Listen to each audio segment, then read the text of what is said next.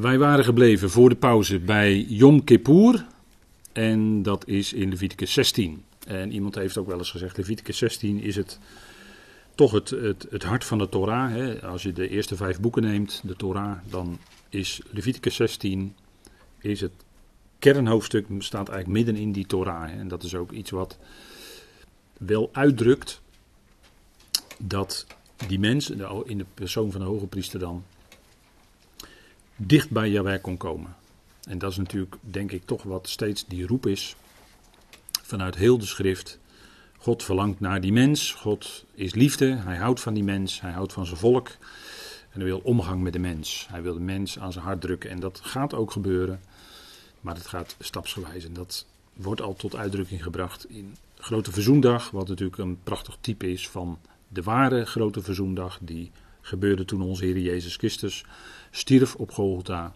Dat was in feite de echte grote verzoendag, om het zo maar te zeggen. God was in Christus, zegt Paulus, de wereld met zichzelf verzoenend.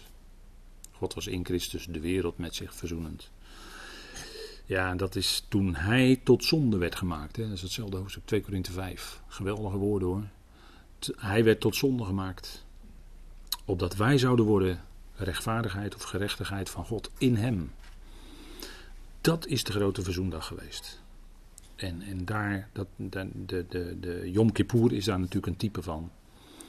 Maar die lijnen lopen natuurlijk allemaal door naar onze Heer, wat onze Heer deed. Exodus 30. En ik heb het hier wat meer vanuit een wat uh, nauwkeurige vertaling geprobeerd. Hè. Het is een, een, hele, hele prille proeven van hoor. Wat nauwkeuriger geprobeerd weer te geven. Exodus 30 vers 10, omdat ik dat toch wel iets bijzonders vind. Hè, dat aspect eh, van dat de hoge, wat de hoge priester dan doet één keer per jaar. Aaron doet één keer per jaar op de hoornen bescherming met het bloed van het zondoffer. En u ziet hier, ik heb hier wat met haakjes gewerkt bij dat woord zondoffer, omdat het in het Hebreeuws eigenlijk geen verschil is. In het Hebreeuws heb je één woord en dat wordt vertaald met zonde en gelet op de context moet je het dan ook regelmatig met zondoffer vertalen. Met het zondofferen van bescherming. Eén keer in het jaar moet hij voor hem bescherming doen, voor al uw geslachten. Het is het heilige van heiligen voor Yahweh. Je ziet dat één keer per jaar moest hij die hoornen, moest hij dat bloed van dat, uh, van dat dier, moest hij uh, op die hoornen doen, op die hoornen aanbrengen. En dat was dan een zondoffer van bescherming. En dat gebeurde natuurlijk ook verder op die deksel van bescherming, op de ark van het verbond. En dan staat ook, het is het heilige van heiligen voor Yahweh. Dus een bijzonder moment, één keer per jaar. Een bijzonder moment. Dat dus die, dat bloed werd dus ook toegepast op die hoornen van het altaar. En in die hoornen, een hoorn spreekt ook van kracht. dus daar, daar ging ook kracht van uit. En dat bewerkte dan bescherming voor hem, voor die hoge priester zelf, maar ook voor de geslachten, dus voor het volk die hadden daar dan deel aan. En er waren die zonden voor een jaar beschermd, zeg maar. Daar, werd, daar was bescherming voor aangebracht. En daarmee is dat reukofferaltaar dus verbonden. In die zin is het verbonden, omdat er dus ook met het reukofferaltaar iets gebeurde op Grote Verzoendag. Is dus verbonden in die zin met die ark van het verbond. dus dat er bescherming plaatsvond en ook aan die hoornen, die vier hoornen. Dus, dus daar ging kracht van uit. Dat, bloed had dus een krachtige werking, om het zo maar te zeggen. God gaf daaraan een werking, eh, zodat dat volk weer voor dat jaar beschermd was. En het had ook te maken met het aspect van aanbidding. En de hoge priester, u ziet het hier ook op het plaatje, moest dan ook zijn kleurige kleding en alles, uh, moest hij afleggen. En hij moest daar komen in eenvoudig wit linnen kledij. Nou, over die hele kledij van de hoge priester en de priesters gaan we nog met elkaar hebben in het kader van deze studies. Dat het er weer een hoofdstuk apart is. Maar ehm, ja, wit, wit, linnen spreekt natuurlijk sowieso van apart gezet, van, van heiligheid, van reinheid. Maar eh, wit heeft natuurlijk ook, hè, wit linnen heeft ook te maken met opstanding. En dat is ook wat het uitbeeldt natuurlijk. Niet alleen dat het dier op uh, Yom Kippur een dier geslacht werd, maar er ging ook een dier vrij uit. Dat spreekt van opstanding. Die ging vrij uit.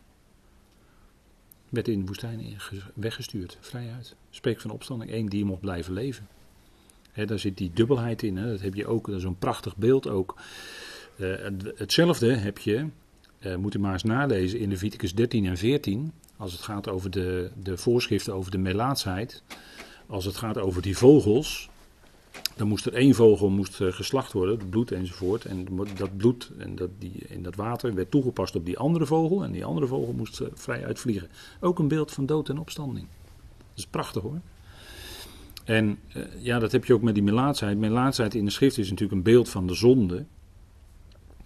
En als, als iemand dan helemaal wit was, dat is, ook een, dat is ook die geweldige omkering die erin zit. Als dan iemand helemaal wit was, kwam hij bij de priester en dan verklaarde de priester hem. En dan zou je verwachten helemaal melaats. Nee, de priester verklaart hem dan rein. Dat is ineens een verrassende omkering. Moet u maar eens lezen in Leviticus 13 en 14. Dat is, dat is geweldig. Denkt u er maar eens over na, die geef ik maar eens mee. Misschien wordt u er vannacht dan wel midden in de nacht wakker mee. Nou, dat is dan een mooi onderwerp om midden in de nacht even van wakker te liggen. dan slaat u de schrift nog eens erop na. Maar dat is heel mooi wat daar staat, Leviticus 13 en 14.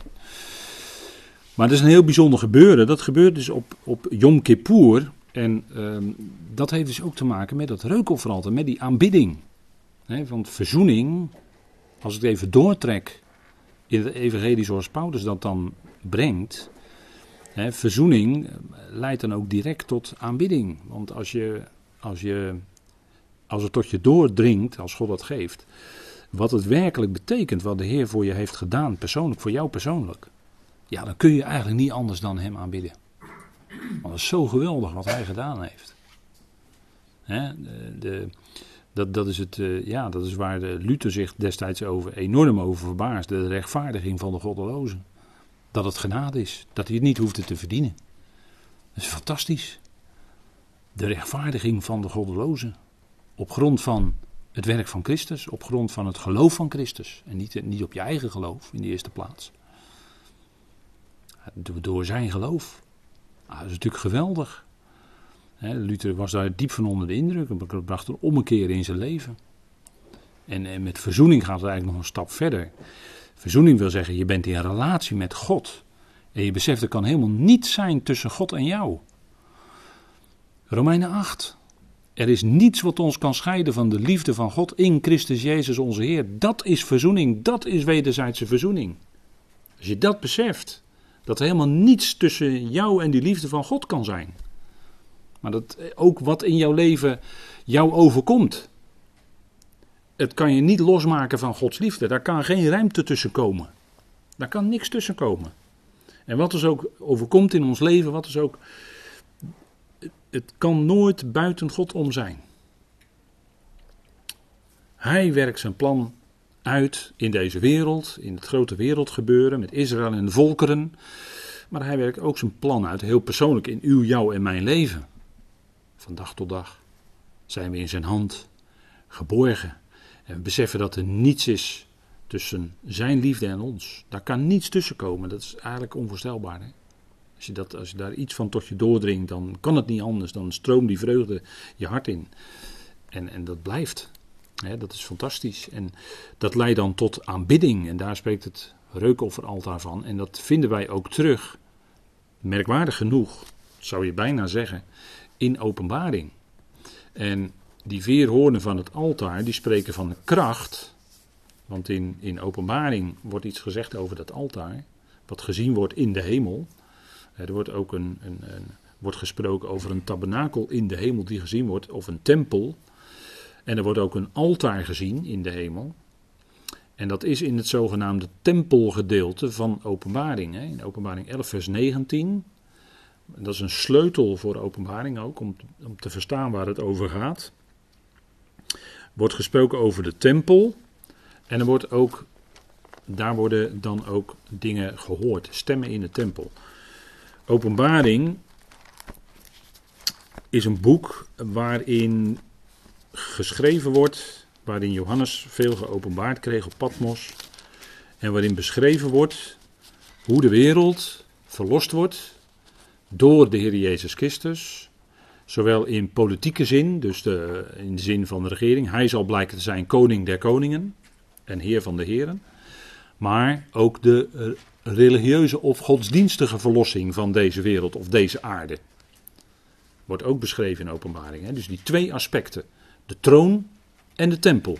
Dus de politieke verlossing en de godsdienstige verlossing van de aarde. Komen allebei aan de orde in openbaring. Hè? En het troongedeelte begint ook met stemmen. Dan klinkt er een stem vanuit de troon.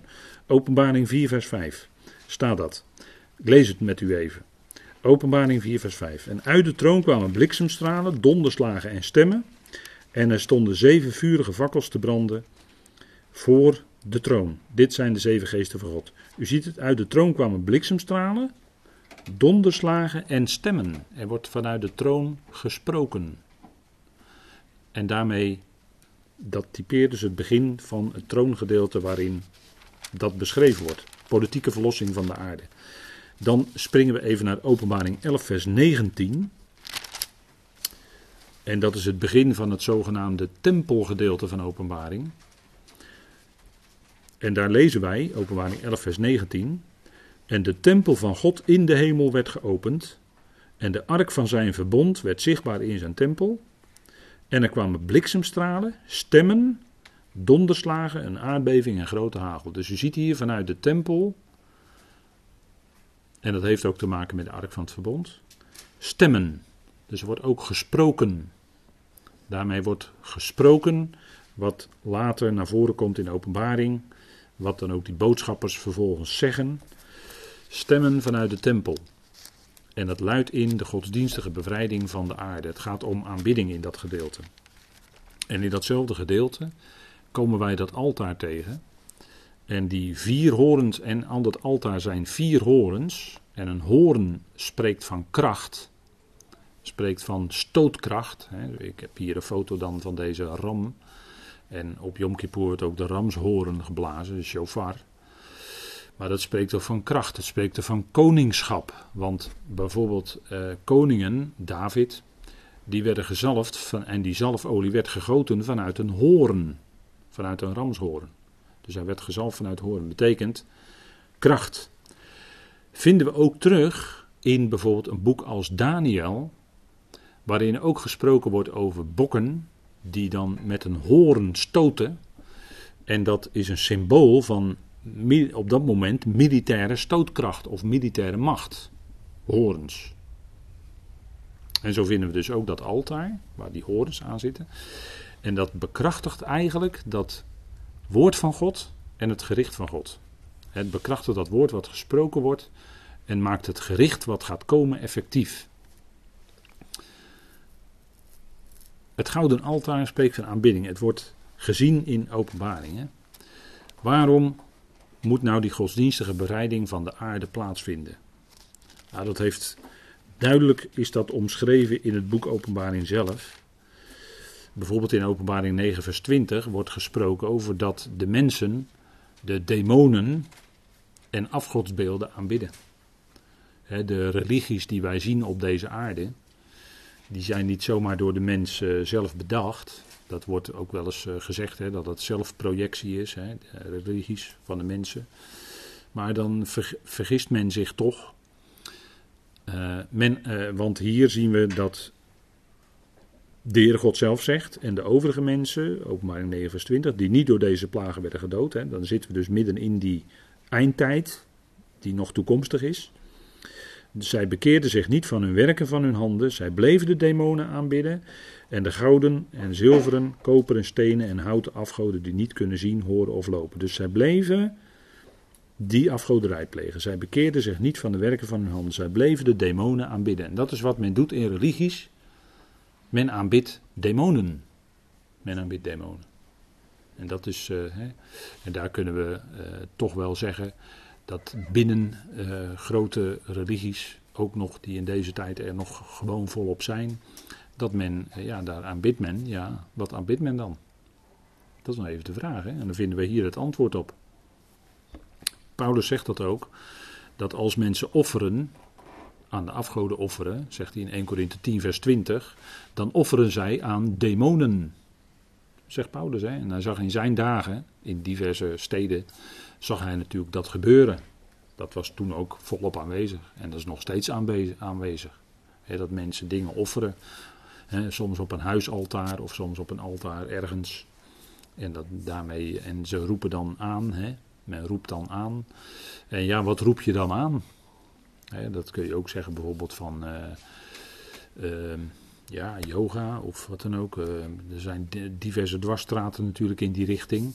En dan moet men oefeningen doen, ontspanningsoefeningen. Maar tegelijkertijd moet er ook wat gebeuren. Hè? Er moet ook wat aangeroepen worden. Er wordt ook wat geroepen. Ja, en dan roept men eigenlijk, zonder het te weten, en met alle goede bedoelingen, of voor ontspanning, maar zonder het te weten, roept men eigenlijk demonen aan. Valse geesten. Dat gebeurt. Paulus zegt ook in 1 Corinthië 8 vers 5, er zijn veel goden en heren. En dan zegt hij tegelijkertijd in één adem, maar voor ons is er maar één God, de Vader, en één Heer, Jezus Christus. En al het andere zijn afgoden. En stellen in feite, zeker in vergelijking daarmee, niets voor. Het zijn in feite nietsen, zegt Paulus. Hè? Dus heel duidelijk is die daar. En wat in de toekomst ook gaat gebeuren is dat men zal, openbaring 13, ik heb de tekstwijzingen erop gezet. Men zal het beeld, CQ, het beest van de eindtijd, dus de wereldleider van de eindtijd, zal men aanbidden. Zal men aanbidden. Dat hebben we gezien hè, bij de studies van openbaring. En men zal daarin de draak aanbidden. Staat heel duidelijk, openbaring 13 vers 4. Hè. Men zal de draak aanbidden. En daar was het natuurlijk om te doen. Wat was de verzoeking of beproeving in de woestijn, in de wildernis, bij de Heer Jezus? Zei die tegenstander: Je hoeft maar één knieval voor mij te maken en ik geef jou alle koninkrijken van de aarde. Allemaal in zijn macht. En de heer Jezus hoeft maar één knieval te maken. En daarmee zou hij hem dus aanbidden. En dan zou het allemaal in zijn. In de, maar de, de Heer zei van. Ja, maar wacht even, er staat geschreven. Dat is natuurlijk voor ons ook steeds. Hè? Er staat geschreven. En dan blokkeer je dat. Je zult de Heer je God niet verzoeken. En je zult Hem alleen dienen. En daar hield de Heer er natuurlijk bij. Ja, dat was natuurlijk het woord. Maar men zal in de eindtijd verplicht, hè, want men krijgt dan ook het merkteken van het beest, hè, openbaring 13, vers 16 en 17, heel berucht inmiddels al, want er zijn al zoveel speculaties over geweest. Men heeft daar al zoveel dingen op verzonnen, wat dat dan ook zou kunnen zijn. Nou, ik ga u niet het antwoord geven, want ik weet het ook niet. Wat ik wel weet, is wat in openbaring staat, dat is dat men het embleem of het merkteken, hè, dat is een garagma, dat is een, eh, een, een, ja, dat, dat woord duidt eigenlijk op een soort inkerving. Maar goed, wordt vertaald met merkteken. Men zal het merkteken van het beest aanbidden. En daarmee verbonden het getal van zijn naam, dat is 666. En men zal dat op de rechterhand of op het voorhoofd wordt het aangebracht. Dat, dat is wat daar in de openbaring staat. En dat zal dan verplicht zijn, dat is het punt. Het zal verplichtend worden. En die aanbidding van de draak en van het beest zal in de eindtijd verplicht zijn voor iedereen. Doe je het niet? Ja, dan moet je met je leven bekopen. Want dan heb je geen toegang meer tot. tot hè, dan kun je niet meer kopen of verkopen. Dus je hebt geen toegang meer tot de supermarkten. Dus je kan geen eten en drinken meer kopen. Dat staat erbij. Men kan dan niet kopen of verkopen als je dat merkteken niet hebt. Dus het wordt voor iedereen dan in die tijd, in de toekomstige eindtijd, wordt het verplicht. Wordt verplicht opgelegd. En daarin zal men ook verplicht moeten aanbidden. En dat is wat gaat gebeuren. En dat, dat is natuurlijk wat. En, en daarom, om al deze dingen, die, we, die hier even dan, die u hier even op een rij ziet staan. Om al deze dingen moeten die gerichten komen die in openbaring staan. En met name die gerichten, als het gaat om dat tempelgedeelte, worden zwaarder dan in het voorgaande. En dat is omdat het daar gaat om aanbidding. Men aanbidt niet langer de enige die men moet aanbidden, dat is de God van Israël, dat is Yahweh, dat is de God en Vader van onze Heer Jezus Christus. Die zou alleen aanbeden worden. Maar de mensheid wijkt, daar, wijkt daarvan af en dat, gebeurt al heel lang. Maar dan zal het helemaal gaan toespitsen. Dan zal het verplicht geëist gaan worden. Dat men die ander gaat aanbidden en niet de ene ware God. En dat leidt tot hevige gerichten. waarbij die aarde verlost zal worden in godsdienstige zin van die tirannie, van die enorme dictatuur die er dan zal zijn. Waarin men alles verplicht zal moeten doen. Nou, dat zal enorme druk op de mensen leggen. Voor Israël zal het dan ook grote verdrukking zijn. de, degenen die van Israël dat niet willen, die niet willen buigen, die zullen gedood worden. Die zullen gedood worden, actief gedood worden. En anderen die niet op het systeem willen aansluiten, die zullen dan op termijn gedood worden doordat ze niet kunnen kopen of verkopen. Dus zo scherp zal het zijn in de eindtijd. Dat is natuurlijk heel ernstig. Maar die verlossing komt. En, en uh, daar spreekt dan ook die woorden die gesproken worden vanaf het altaar. Hè, van, dat lezen wij op verschillende plaatsen in openbaring. Er wordt gesproken vanaf het altaar. In bijvoorbeeld openbaring 16, vers 7. Openbaring 16, vers 7. En dan zitten we aan de meest intense gerichten. Hè. Dat is als de schalen worden uitgegoten. Dat is natuurlijk beeldspraak, maar als dat gebeurt, en Johannes zag dat in visioen, hij werd in de geest overgezet in de dag des Heren, toen de dag, als, de dag des Heren ging aanbreken. In die tijd werd hij overgezet in de geest en zag hij allemaal dingen, allemaal beelden. En hij zag boodschappers die dus schalen uitgieten. En dat zijn intense, enorme gerichten die dan gaan plaatsvinden.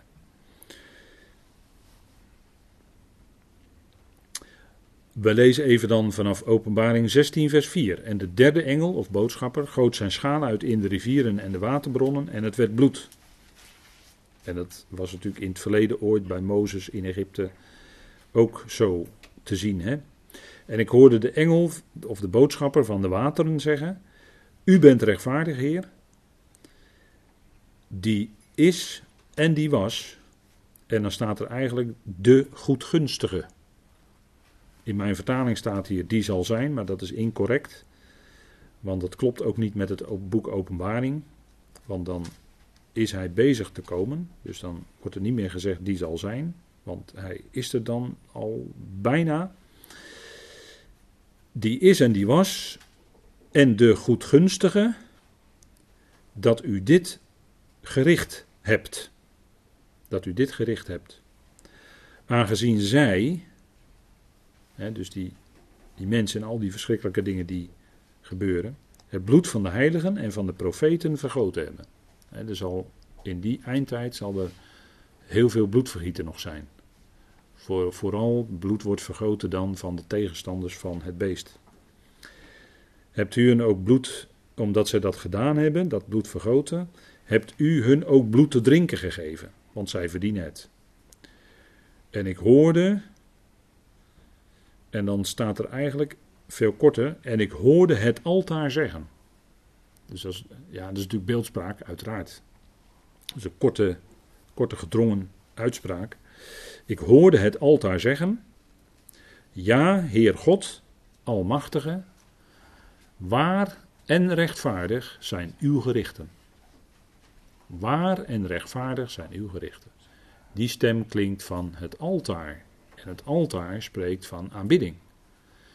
En die gerichten die komen, die moeten komen, om dus die verlossing, die religieuze verlossing van de aarde te bewerken. Die godsdienstige verlossing.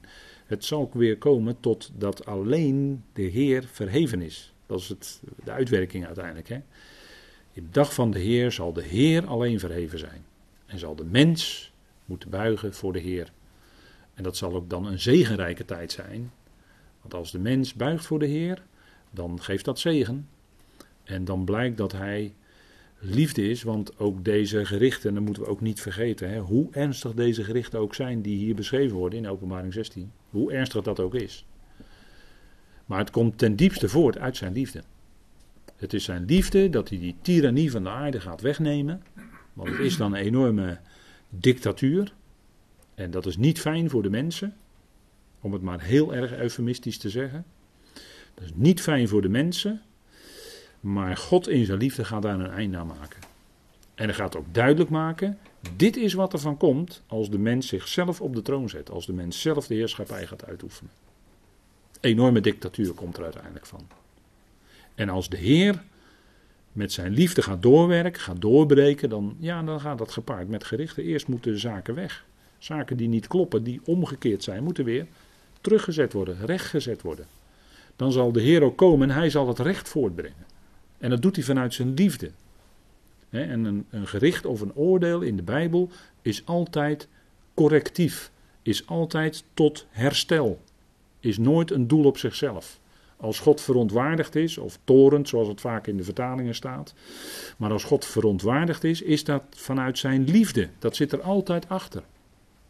Is dat geen doel op zichzelf? En als God mensen corrigeert, als God ingrijpt, en dat doet hij hier in de openbaring, als God moet ingrijpen, dan gebeurt dat ook snel, maar wel hevig en heeft enorme gevolgen. Maar het is vanuit zijn liefde en dat zal blijken. Want dan zal er een weldadige tijd van duizend jaar shalom aanbreken. Welzijn betekent dat. Hè? Dat is een prachtig Hebreeuws begrip, maar dat betekent welzijn. Dan zal het aangenaam zijn voor Israël en de volkeren. Die zullen in de komende duizend jaar in de Shabbat, de grote Shabbat, zullen ze tot rust komen. En nu is het nog allemaal woeden en woelen van de volkeren in een onrust, hè, zoals Psalm 2 dat zegt. Maar God heeft zijn koning al gesteld en die staat al klaar om in Sion zijn koningschap te laten zien. Hè, dat zegt Psalm 2, een prachtige psalm wat dat betreft. Maar het is God die, en er staat de God die lacht, ja dat is het lachen van zijn liefde.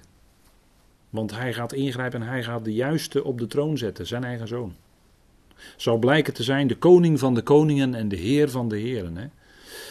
De Heer Jezus Christus. Vandaag in het dagstukje wat we toegestuurd kregen via de mail, vond ik dat heel mooi, die uitleg. Die daar kwam, hè, van de, de uitleg van, van hem, de Heer Jezus Christus. En er werd prachtig even uitgelegd, even zo kort, wat dat betekent. Hij is de Curios, dat wil zeggen, onze Heer Jezus Christus, ja, hij is Heer van allen. Hij is Heer van allen. En hij is ook de redder van allen. Jezus betekent dat hij redt. Hij redt alles. Hij is ook de Christus, de gezalfde. Ja, dat zijn natuurlijk geweldige aspecten die aanduiden wie hij is. En, en dat is het punt. Daarvoor moeten die gericht wel komen. En er is ook enorm veel uh, onrust. Uh, hè, en er wordt steeds onrustiger in de geestelijke wereld. Ja, dat klopt. Want degene die werkelijk de touwtjes in handen heeft, ook in de geestelijke wereld, en daarboven staat, dat is de Heer Jezus Christus, die gaat komen. En die gaat de hele zaak verlossen. En die gaat, gaat alles brengen tot aanbidding van God. Zijn God en Vader. Daar gaat het naartoe. En daar spreekt het altaar van. Daar spreekt het altaar van. En die horens van het altaar. Het altaar wat dan, waar, waar dan vanuit gesproken wordt in de hemel. Hè, wat Johannes dan zag in dat visioen. En, en, en dat is wat gaat gebeuren. Hè? En, en dat is wat hier ook in vreugde. God is volkomen rechtvaardig. Hij doet volkomen recht als hij gericht houdt. En hij weet ook precies de juiste maat. En het is ook tot correctie. Je moet altijd het doel waarmee gericht wordt, moeten we in de gaten hebben. Hè? En hij zal dat doen overeenkomstig zijn liefde. Het zal niet te lang duren. Het zal precies het juiste doen wat het moet doen. Het zal precies genoeg zijn. En dan zal hij alles gaan rechtzetten. En dat is zijn liefde. En na de duizend jaar, dan gaat er nog veel gebeuren. Dan komt de grote witte troon en dan komt de nieuwe aarde, nieuwe hemelen. Ja, zo gaat dat plan van God steeds verder. Hè, stap voor stap. En dat is ook wat uh, dan in openbaring gebeurt. Goed, ik uh, wil het hierbij laten voor. Zullen we de Heer danken? Vader, we danken u voor de betekenis van het gouden altaar. Dank u wel dat het voor ons als gelovigen zulke aspecten veelzeggend zijn. Vader, dank u wel dat het spreekt van aanbidding en we willen uw naam daarom danken, loven en prijzen. Vader, en ons gebed is ook dat mag ook ons leven, Vader, tot aanbidding voor u zijn. Gewijd aan u. Dank u wel dat we van u zijn. En dank u wel dat, Vader, dat alles spreekt. In die tabernakel alles spreekt van uw zoon. Wie hij is. En dat we u mogen danken voor dat geweldige wat hij deed. Dat hij ons hoofd is. En dat we leden zijn van het lichaam van Christus. Vader, een bijzonder een bijzondere groep. We danken u daarvoor. Dat u nog steeds wereldwijd uitroept dat het nog steeds de tijd van genade is. Vader, nog is het een dag van redding, nog is het een dag van heil. We danken u voor datgene wat we zo mogen opzamelen uit dat woord van u. Dat we dat zo ook hier gezamenlijk konden doen, elkaar konden ontmoeten en spreken. Vader, we danken u voor wat u hebt willen geven. Vader, dank u wel voor uw goedheid, uw trouw. Dank u wel dat u ook verder van deze avond op de reis terug met ons meegaat en nabij bent. Vader, wees ook met hen die het moeilijk hebben, die ziek zijn of met allerlei andere moeiten te maken hebben. Wil hen genadig nabij zijn, Vader. U kent en ieders omstandigheden. U weet wat nodig is. Geef ze ook uw ondersteuning. Vader, we danken u daarvoor dat u dat ook doet. Dat we op u kunnen vertrouwen in alles dat uw liefde het is. En niets kan ons scheiden van uw liefde, Vader. We danken u daarvoor. Dank u voor uw goedheid en trouw. Ook zo voor deze avond, wat u wilde geven. We danken u, we loven en prijzen u in die machtige naam van uw geliefde Zoon, onze Heere Christus Jezus. Amen.